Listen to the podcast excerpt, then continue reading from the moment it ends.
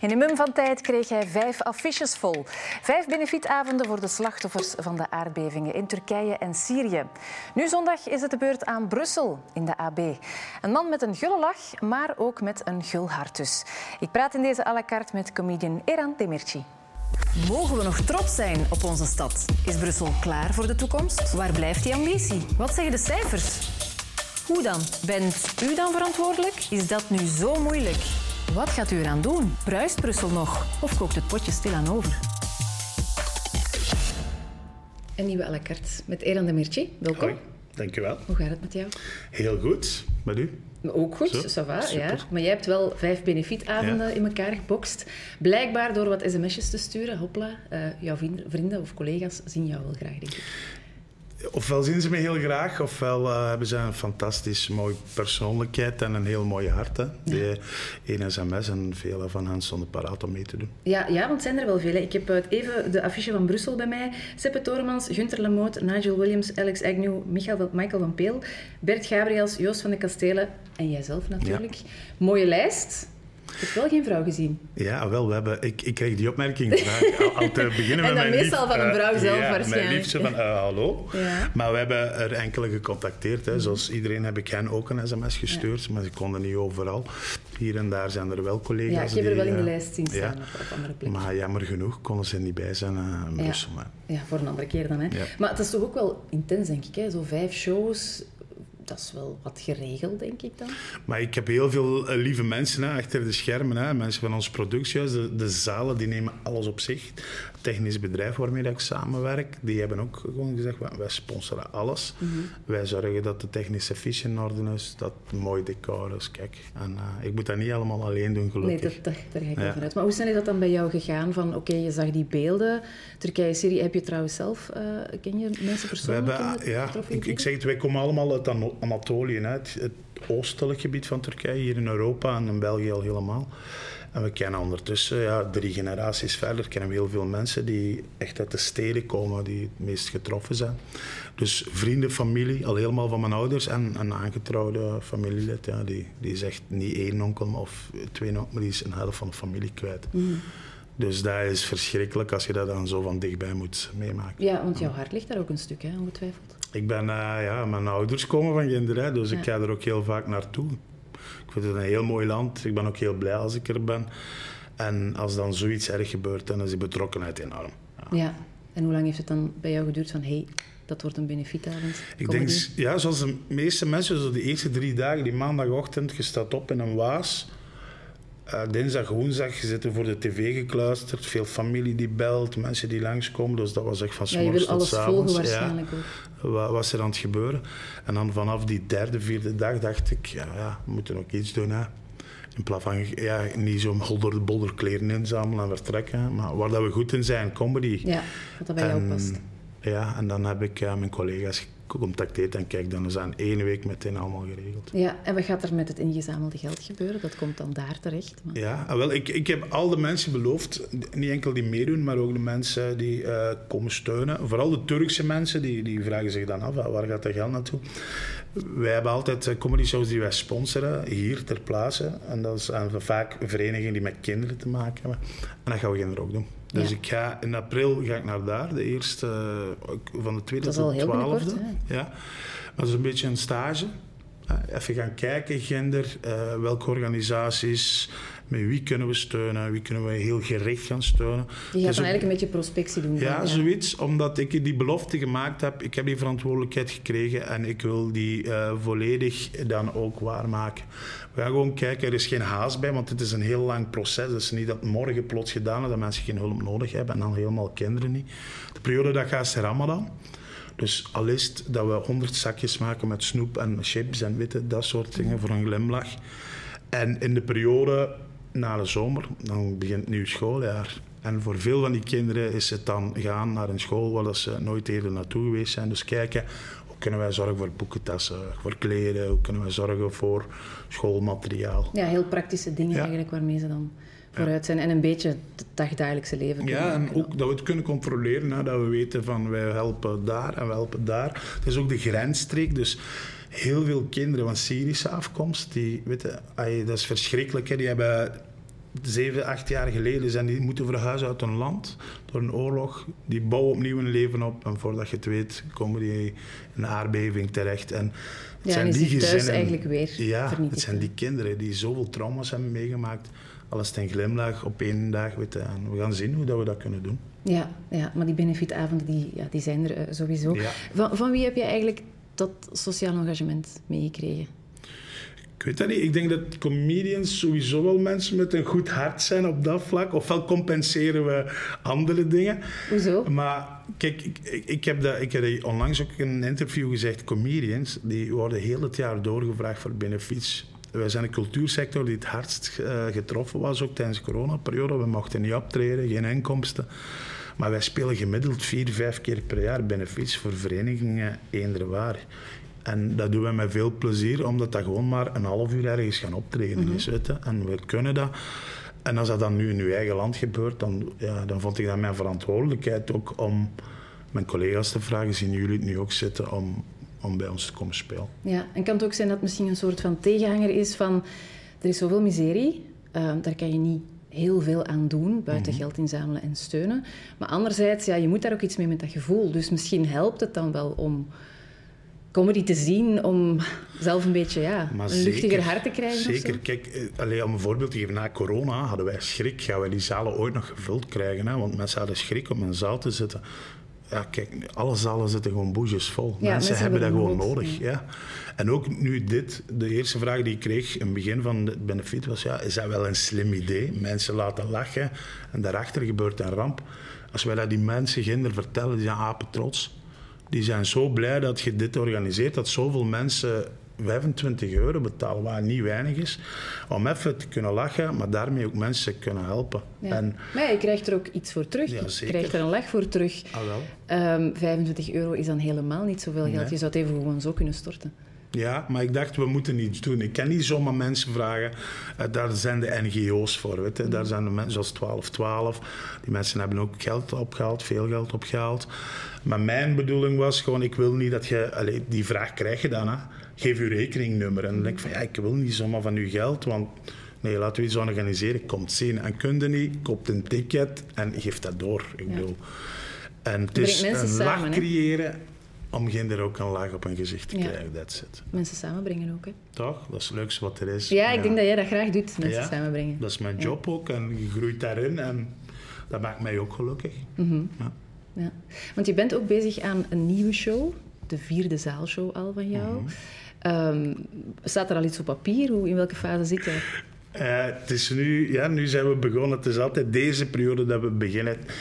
Uh, het première weekend, dat, dat, staat al vast. De tour wordt overal al geboekt. Wanneer is het eh, première weekend? de première is, ik denk, 14, 15, 16 oktober. Okay, in de Casino Beringen, ja. En nu kom ik samen zitten hè, met mijn regisseur, we gaan koken. En dan, weet je hoe dat ik altijd werk? Ik heb zo allemaal post-its waar ik ideeën op plak. Dat, mijn hele waar keuken. In jouw keuken? keuken hangt vol met post-its. Vrienden die bij mij op bezoek komen, die weten dat ook. Dat zijn dan 50, 60 post-its. En naar het gelang dat de show dan gecreëerd wordt, dan worden dat er 10, 15. En dan heb ik zo ja, dan stap heb je de essentie gevat. Ja. Okay. En zo en, en ja, hoe begin je daaraan om, om, bijvoorbeeld onderwerpen te selecteren dan? Van ben je dan kranten aan het lezen met een fluo-stift? Of wandel jij rond in Brussel? Of ga je op café zitten? Zelfs dit is, kan een idee zijn. Ah, okay. Alles kan een idee zijn. Ik kom in jouw show, of toch Zo was dat toen bij Brussel, Jesus. Nee, uh, ik heb altijd een thema wel. Weet. De, eerste voorstelling, hè, het komt goed, dat was bijvoorbeeld na die aanslagen hier in Brussel. Dan hebben ze van, hey, het komt goed. We werden toen de hellhole genoemd en de shithole en dit en dat. Toen dacht ik van, hey, gast, jij woont hier niet in deze stad. We gaan daar iets rond creëren. En nu, de vierde, noemt Verwachtingen. Dus dat is al... Als je drie voorstellingen Eigenlijk heb je altijd wel een beetje zo een, soort van crisis nodig. Ja, of daar dan ook een crisis, natuurlijk.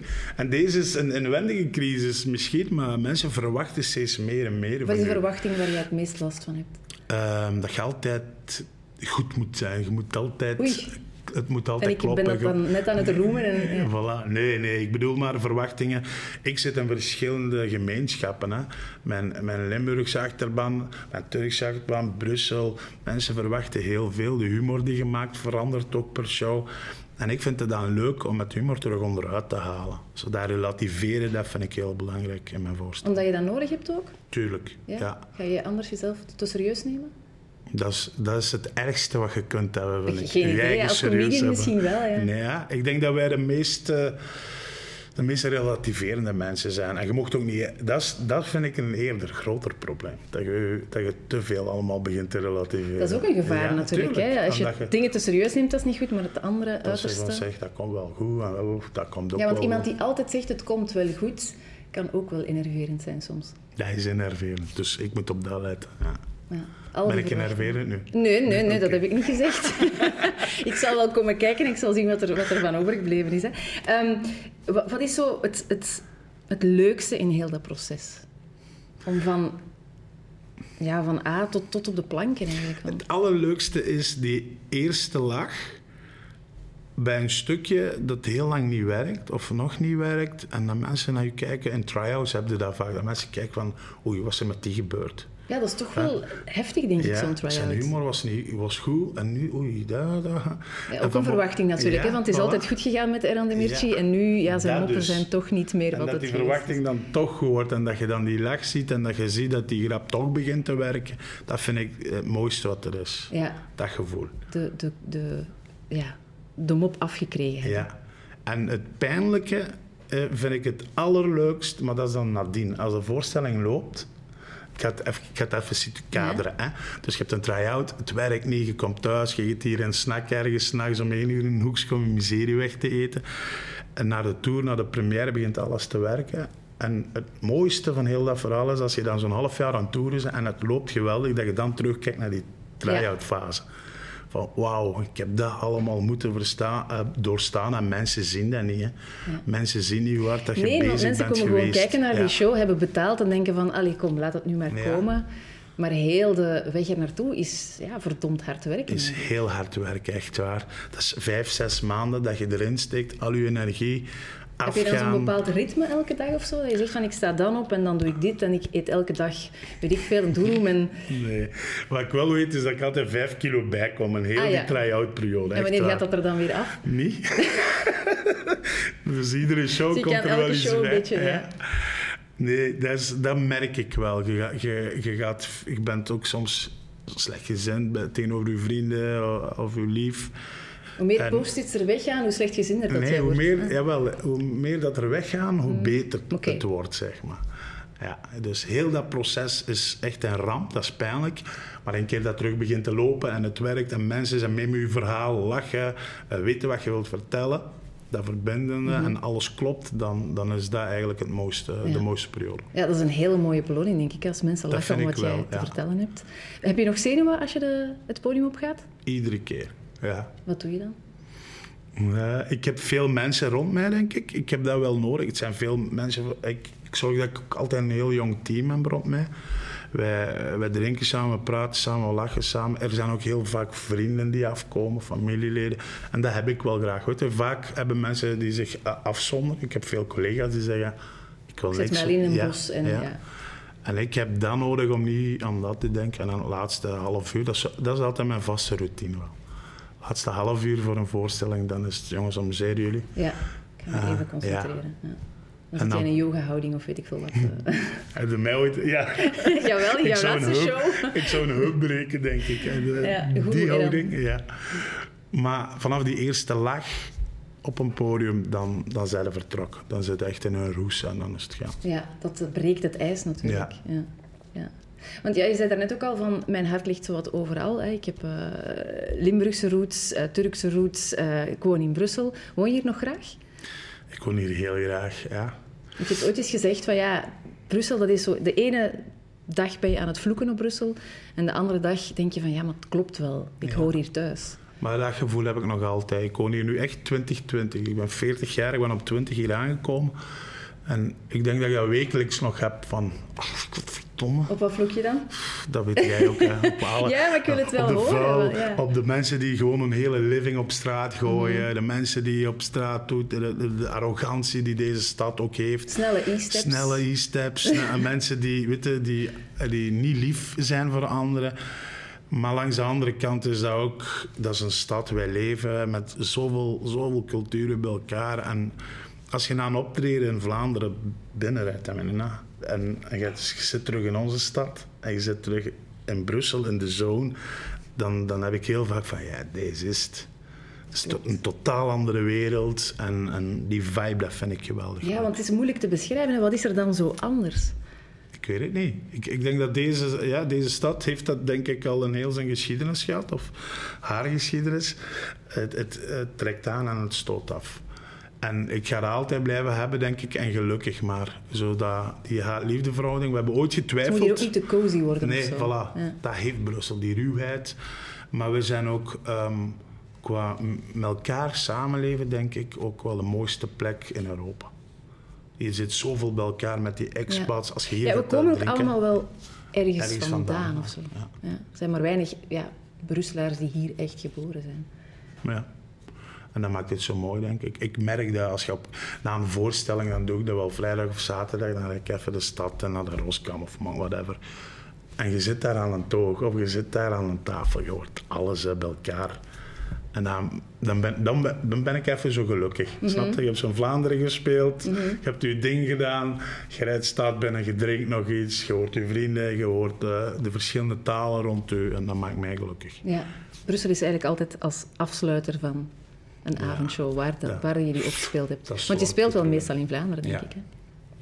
Dat is, dat is ons speelterrein in Vlaanderen en Nederland. Meer en meer wel hier in Brussel, gelukkig. Maar misschien is het ook goed mm -hmm. dat je daar speelt en dan terug naar hier komt. Ja, ja, ook thuiskomen. Zeg, en je zei dat je een eigen kebabzaak wou starten mm -hmm. hier in Brussel. Hoe zit het daar eigenlijk mee? Dat is keihard werken. Het is, weet, het is een keihard werken niet als een uh, ons deel alles is af om het te maken, maar er is zo'n soort van horeca-stop.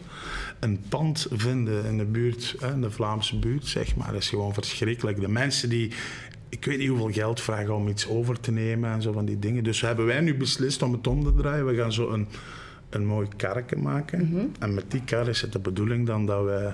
Foodtruck eigenlijk? Ja, niet een foodtruck, maar zo, zoals in Istanbul ook hadden. Zo in de jaren 50, 60, 70. Dat zijn zo van die karren die je meetrekt, meeschouwt, zeg maar.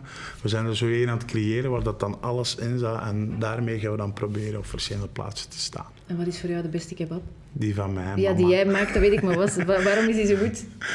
Omdat alles thuis gemaakt is. Alles is eerlijk gemaakt, zo dat wij het kennen. Weet je? Dat is, uh, in Limburg heb je dat ook nog, zo'n kebabzaak waar dat ze vlees iedere dag marineren. Dat zijn zo van die rosbiefstukjes. Mm -hmm. Die zijn watertanden. Hè? Ja, ja, ik krijg er honger van. dat wordt gemarineerd, dat wordt 24 uur gehouden, dat wordt op een spit gesmeten en dan wordt dat lekker gegrild met eh, zelfgemaakte sauzen, verse groenten en meer is dat eigenlijk niet. Maar, maar simpel al, is vaak het beste. Voilà. Niet zo van die prefab dingen en allemaal die lantijntjes. Nee, hoe dat echt moet. Ja, maar kom dan met die voetdruk hier maar eens op het flageplein Ik zweer het, beloofd. En dan kom je maar eens langs. Ik word heel broes. Voor heel broes. Bij deze is dat geregeld. Ik wens jou heel veel succes met die uh, ja, uh, vijf benefietavonden, ook die er uh, in uh, Brussel nog moet komen, in de AB dit weekend.